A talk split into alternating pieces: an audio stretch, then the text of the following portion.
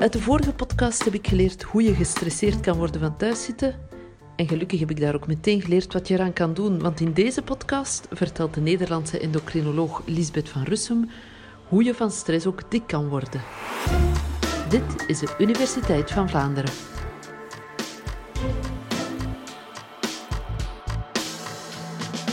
Wie van u is uh, nog nooit gestrest geweest? Ik zie geen handen en misschien denkt u van nou ik steek mijn hand gewoon maar niet op. Dus ik doe even een controlevraag. Wie is er wel eens gestrest geweest? Iedereen. Ik zie, ik zie iedereen een hand opsteken. Is eigenlijk best wel knap dat u deze vraag weet te beantwoorden. Wat is nou eigenlijk stress? Um, daarvoor wil ik u graag meenemen uh, naar een vakantie jaren geleden in Brazilië, waar ik mijn, voor het allereerst een keer een deltavlucht maakte. En uh, u ziet mij hier hangen aan een deltavlucht en ik hang daar en ik lach. En ik kan jullie zeggen, die lach die nep. Um, vlak daarvoor uh, stond ik klaar en ik had net instructie gekregen om zo hard mogelijk richting een afgrond te rennen. En um, op dat moment gierden de stresshormonen door mijn lijf. Dat is goed eigenlijk, dat is heel handig, want wat gebeurt er? Je hartslag gaat omhoog, je bloeddruk gaat omhoog, ademhaling gaat sneller. Um, en dat is heel handig, want er wordt meer energie en um, meer zuurstof wordt er gebracht naar je, naar je hersenen, dus je kan sneller denken. Niet dat je per se misschien op zo'n moment wil denken, maar goed voor een examen, hè, acute stress is dan best heel handig. En het andere is dat er meer zuurstof en meer energie naar je spieren gaat. Dat was ook goed, want ik moest zo hard mogelijk rennen uh, richting de afgrond. En dit is typisch een voorbeeld van acute mentale stress. Maar er zijn meer soorten van stress.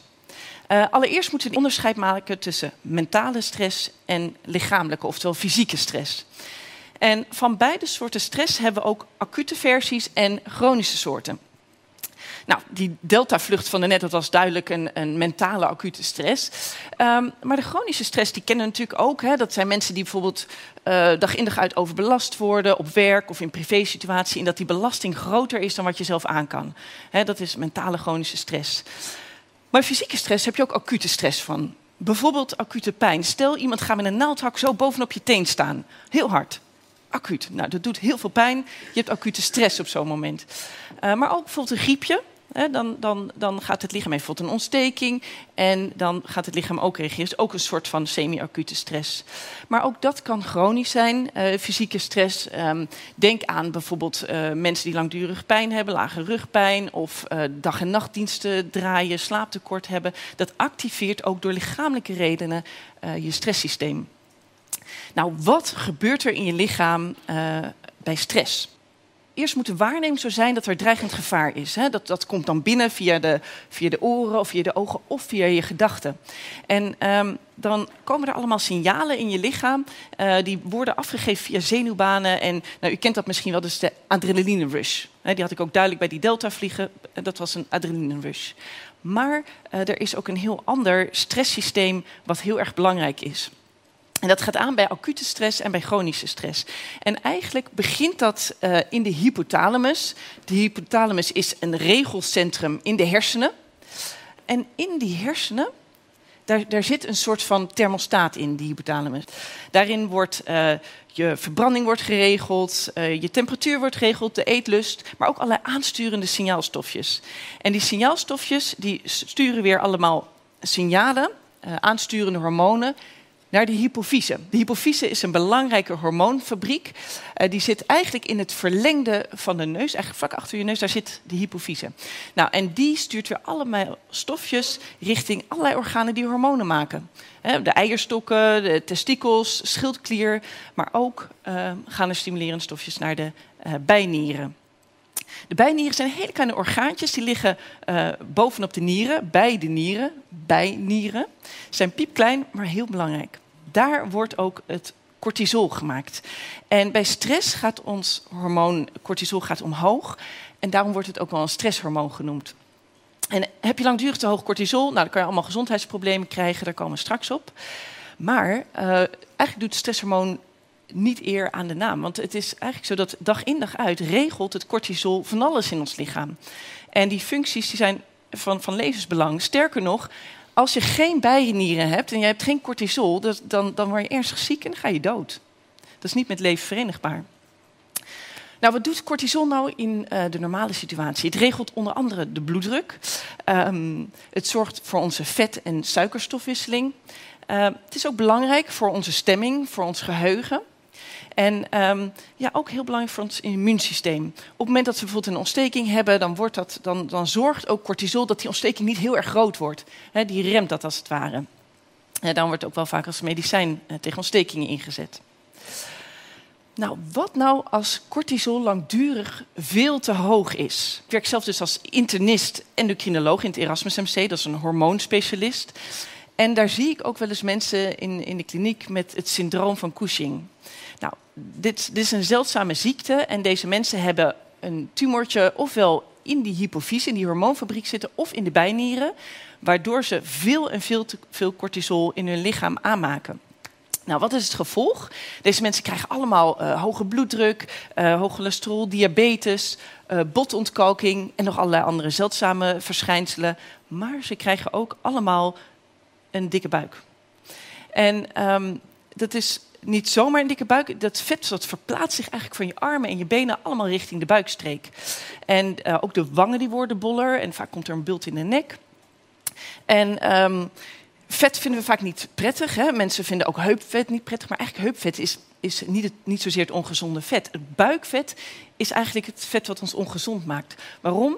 Uh, dat geeft onder andere uh, orgaanvet, zoals leververvetting. Maar er worden ook allemaal ontstekingsstofjes gemaakt. En allerlei negatieve en allemaal slechte hormonen eigenlijk. Nou, die zorgt voor aderverkalking, diabetes, depressie.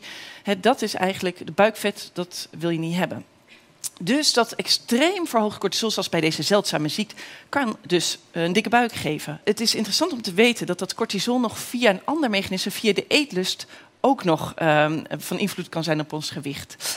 Het is zo dat als wij heel acuut gestrest zijn, op dat moment, dan maken we even kortdurend een stofje aan waarbij acuut heel even de eetlust even wegvalt. Misschien ook best wel praktisch, want als je achterna wordt gezeten door een tijger, is het niet handig om nog een boterham te smeren en eerst te eten.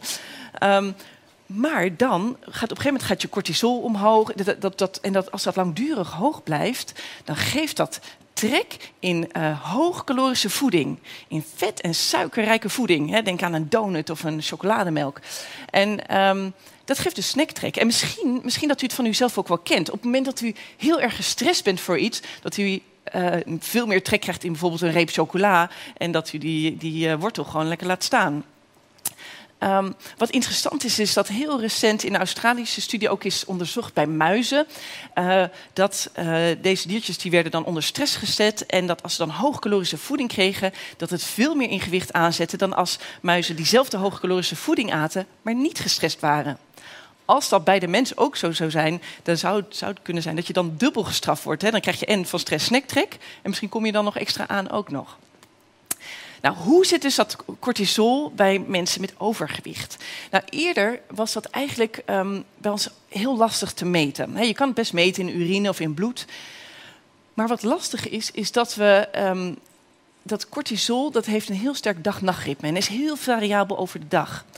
En eerlijk gezegd, als je bij iemand gaat bloed prikken hè, en je zou wat bloed, buisje bloed afnemen, dat, kan voor heel veel mensen ook een stressmoment zijn. Dus wat meet je dan cortisol in dat bloed? Meet je eigenlijk alleen hoe gestrest is iemand voor bloed prikken. Hè, dat zegt nog niks over hoe gestrest was iemand uh, in het dagelijks leven de maand ervoor.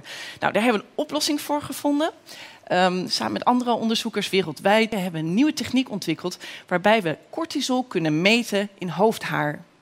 En ons hoofdhaar groeit 1 centimeter per maand gemiddeld genomen. En door elke centimeter te onderzoeken kan je dus zien hoeveel cortisol heeft iemand in die bepaalde maand. En we vonden eigenlijk dat mensen met overgewicht helemaal niet zoveel hoger zaten dan mensen met een gewoon gewicht. Maar als we dan keken bij mensen met een ernstig overgewicht, oftewel obesitas, hè, dan definiëren als een body mass index boven de 30 dan zagen we dat die veel hoger zaten in hun cortisol. En niet iedereen, dit was gemiddeld zo, maar ongeveer de helft zat veel te hoog en de andere helft zat eigenlijk wel normaal. En let op de logaritmische schaal, die zaten echt, sommige zaten heel erg hoog. Dit was niet uniek voor, voor volwassenen. We vonden dit ook bij, bij kinderen van zes jaar oud. We hebben ruim 3000 kinderen van die leeftijd onderzocht. En we vonden bij kinderen met het hoogste cortisol een tienvoudig verhoogd risico op het hebben van obesitas. Ehm, maar dat zegt nog niks over oorzaak en gevolg. Want het zou best kunnen zijn dat die kindertjes bijvoorbeeld met obesitas... dat die veel meer gepest worden en daardoor een hoger stresshormoon cortisol hebben. We hebben dus wel aanwijzingen door dat extreme model van dat syndroom van Cushing... dat cortisol dik kan maken. Maar toch wordt niet iedereen dik van stress. Waarom wordt niet iedereen dik van stress? Nou, laten we een voorbeeld nemen van uh, Mark en Rick. Uh, Mark en Rick die, um, uh, die zijn 30 jaar. Ze worden allebei ontzettend overbelast op hun werk. Ze hebben echt een verschrikkelijke baas. Eigenlijk worden ze elke dag finaal uitgekafferd in een volle kantoortuin, gekleineerd. Het stresssysteem raakt geactiveerd, cortisol wordt hoog, maar toch is er een verschil in het effect. Rick die komt aan in gewicht en Mark niet. Hoe kan dat? Nou ja, het kan zo dat die stress anders ervaren wordt. Het kan best zijn dat Mark het helemaal niet erg vindt om elke dag uitgescholden te worden in een kantoortuin. Kan. Maar stel dat ze het wel allebei even erg vinden en dat het cortisol bij allebei hoog is, dan kan het ook zo zijn dat je gewoon verschil hebt, bijvoorbeeld in de afbraak van het cortisol in de lever. Dat kan verschillend zijn, maar belangrijker nog is dat we verschillen in de gevoeligheid voor ons stresshormoon cortisol. Wie weet is dit wel een categorie die we genetisch kunnen bestempelen als soort van stressbestendig. Soms is het ook zo dat stress uit een totaal onverwachte hoek kan komen. En ik wil u uh, meenemen naar het voorbeeld van uh, Julie. Uh, ze was 24 jaar. Die kwam jaren geleden op een gegeven moment op een spreekuur. was een typische fit girl. En um, ik weet nog heel goed hoe ze de spreekkamer binnenkwam en ze verdrietig op de stoel ging zitten. Want wat was er aan de hand? Ze was enorm aangekomen. Ze was in een paar weken tijd 14 kilo aangekomen en dat zat allemaal op haar buik. En ze had ook echt een opvallend dikke buik, bolle wangen had ze gekregen. En zij was um, in opleiding tot leefstijlcoach. Ze liep stage, was mensen aan het vertellen hoe je gezond moest eten, uh, goed moest bewegen. Ze sportte zelf elke dag en dat gewicht dat kwam maar aan. Vanwege die dikke wangen onder andere en die buik heb ik me toch laten verleiden om cortisol te onderzoeken. En wat bleek? Het cortisol was onmeetbaar laag. Laag.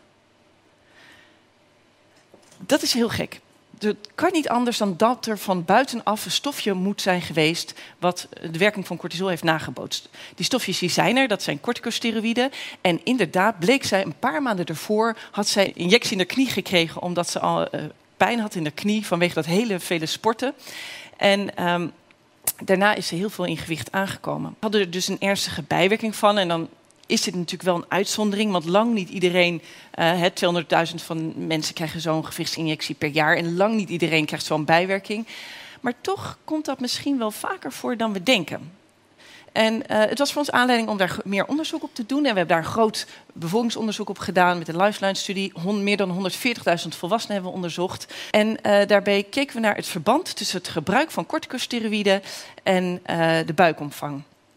En van corticosteroïden hebben we eigenlijk een heleboel soorten daarvan. Um, misschien kent u het wel, we hebben tabletten zoals bijvoorbeeld prednison. Um, dat wordt veel gebruikt bijvoorbeeld voor reuma of ook voor allergische aandoeningen.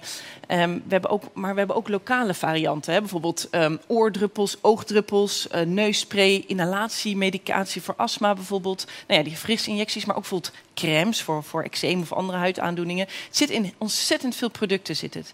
En wat vonden we in die studie? Dat bij mannen en bij vrouwen zagen we dat de BMI gemiddeld hoger was bij gebruikers van corticosteroïden, maar ook vooral de buikomvang was opvallend hoger. En bij vrouwen zagen we ook dat ze hoger uh, bloedsuiker, bloedsuiker hadden, hoger, hoger bloeddruk, hoger cholesterol. Um, dus ja, we weten natuurlijk dat extreem hoog kan de buikomvang dikker maken. Dus dit is wel suggestief, maar dit is alleen een verband nog op dit moment. Wat, we wel, wat wel opvallend is, is dat in de bevolking, um, zoals we hier zitten, zo'n 10% van ons gebruikt uh, of een middel waar corticosteroïden in zitten. Meer dan een kwart van de mensen met obesitas middelen gebruikte met corticosteroïden erin. Dus ja, we hebben aanwijzing dat dat uh, een, een, een, oorzakelijk verband zou kunnen zijn. Daar moeten we veel meer onderzoek naar doen. En ik wil u verzoeken om niet meteen morgen naar de huisarts te rennen als u zegt van nou, ik gebruik een middel met corticosteroïden. Want eerlijk gezegd, als u een plekje heeft met eczeem en dan gebruikt u gewoon een klein crèmetje op met wat hydrocortison, ook een corticosteroïd, dan zal dat echt niet meteen in gewicht aanzetten. Het gaat erom als mensen langdurig hoge dosering gebruiken of, um, uh, of het heel erg lang moeten gebruiken of heel gevoelig zijn, dan kan het dus bijwerkingen hebben. Dus bewustzijn daarvoor dat is wel belangrijk. Dus eigenlijk hebben we dus naast mentale en fysieke stress, hebben we ook nog stress uit een potje of een tube of een flesje. dat zijn dus allemaal verschillende zusjes van, van cortisol. Nou, als we dan het geheel samenvatten, dan is het dus zo dat um, mensen kunnen chronisch gestrest zijn. Dat kan leiden tot een hoog cortisol. Um, en dat kan weer leiden tot snacktrek en dus een herverdeling van je vet, dus buikvet. Je kan uiteindelijk zelfs obesitas ontwikkelen. Tegelijkertijd is ook dat met mensen die obesitas hebben, we weten dat deze mensen veel vaker gestigmatiseerd worden en gediscrimineerd op basis van hun gewicht, kan ook weer leiden tot stress. En zo zien we eigenlijk al dat er een vicieuze cirkel kan ontstaan. Tegelijk is het ook zo dat als mensen heel veel buikvet hebben, dus obesitas hebben, dat in dat buikvet uh, kan ook het cortisol nog extra geactiveerd worden. Um, en het is ook zo dat mensen met obesitas vaker chronische pijnklachten hebben, hè, gewrichtsklachten, uh, of slechter slapen. Dus andere reden hebben om ook weer dat cortisol te verhogen. En dat kan ook weer op het brein werken. Um, en dat kan depressief maken, kan prikkelbaar maken. Dus kan ons ook weer mentaal weer gestrest maken. Dus zo zien we dat de cirkel ook de andere kant op weer rond wordt. Dus als we antwoord moeten geven op de vraag: ja, chronische stress kan ons gewicht laten toenemen. En dat kan zelfs leiden tot een vicieuze cirkel. Wel, wel, wel, stress uit een potje. Daar had ik nog nooit van gehoord. Hoeveel of hoe weinig stress iemand aan kan, daar heb ik wel al over gehoord. Want daarover gaat de podcast van Elke van Hoof. Zoek op haar naam en je komt vanzelf bij haar uit. Veel plezier ermee!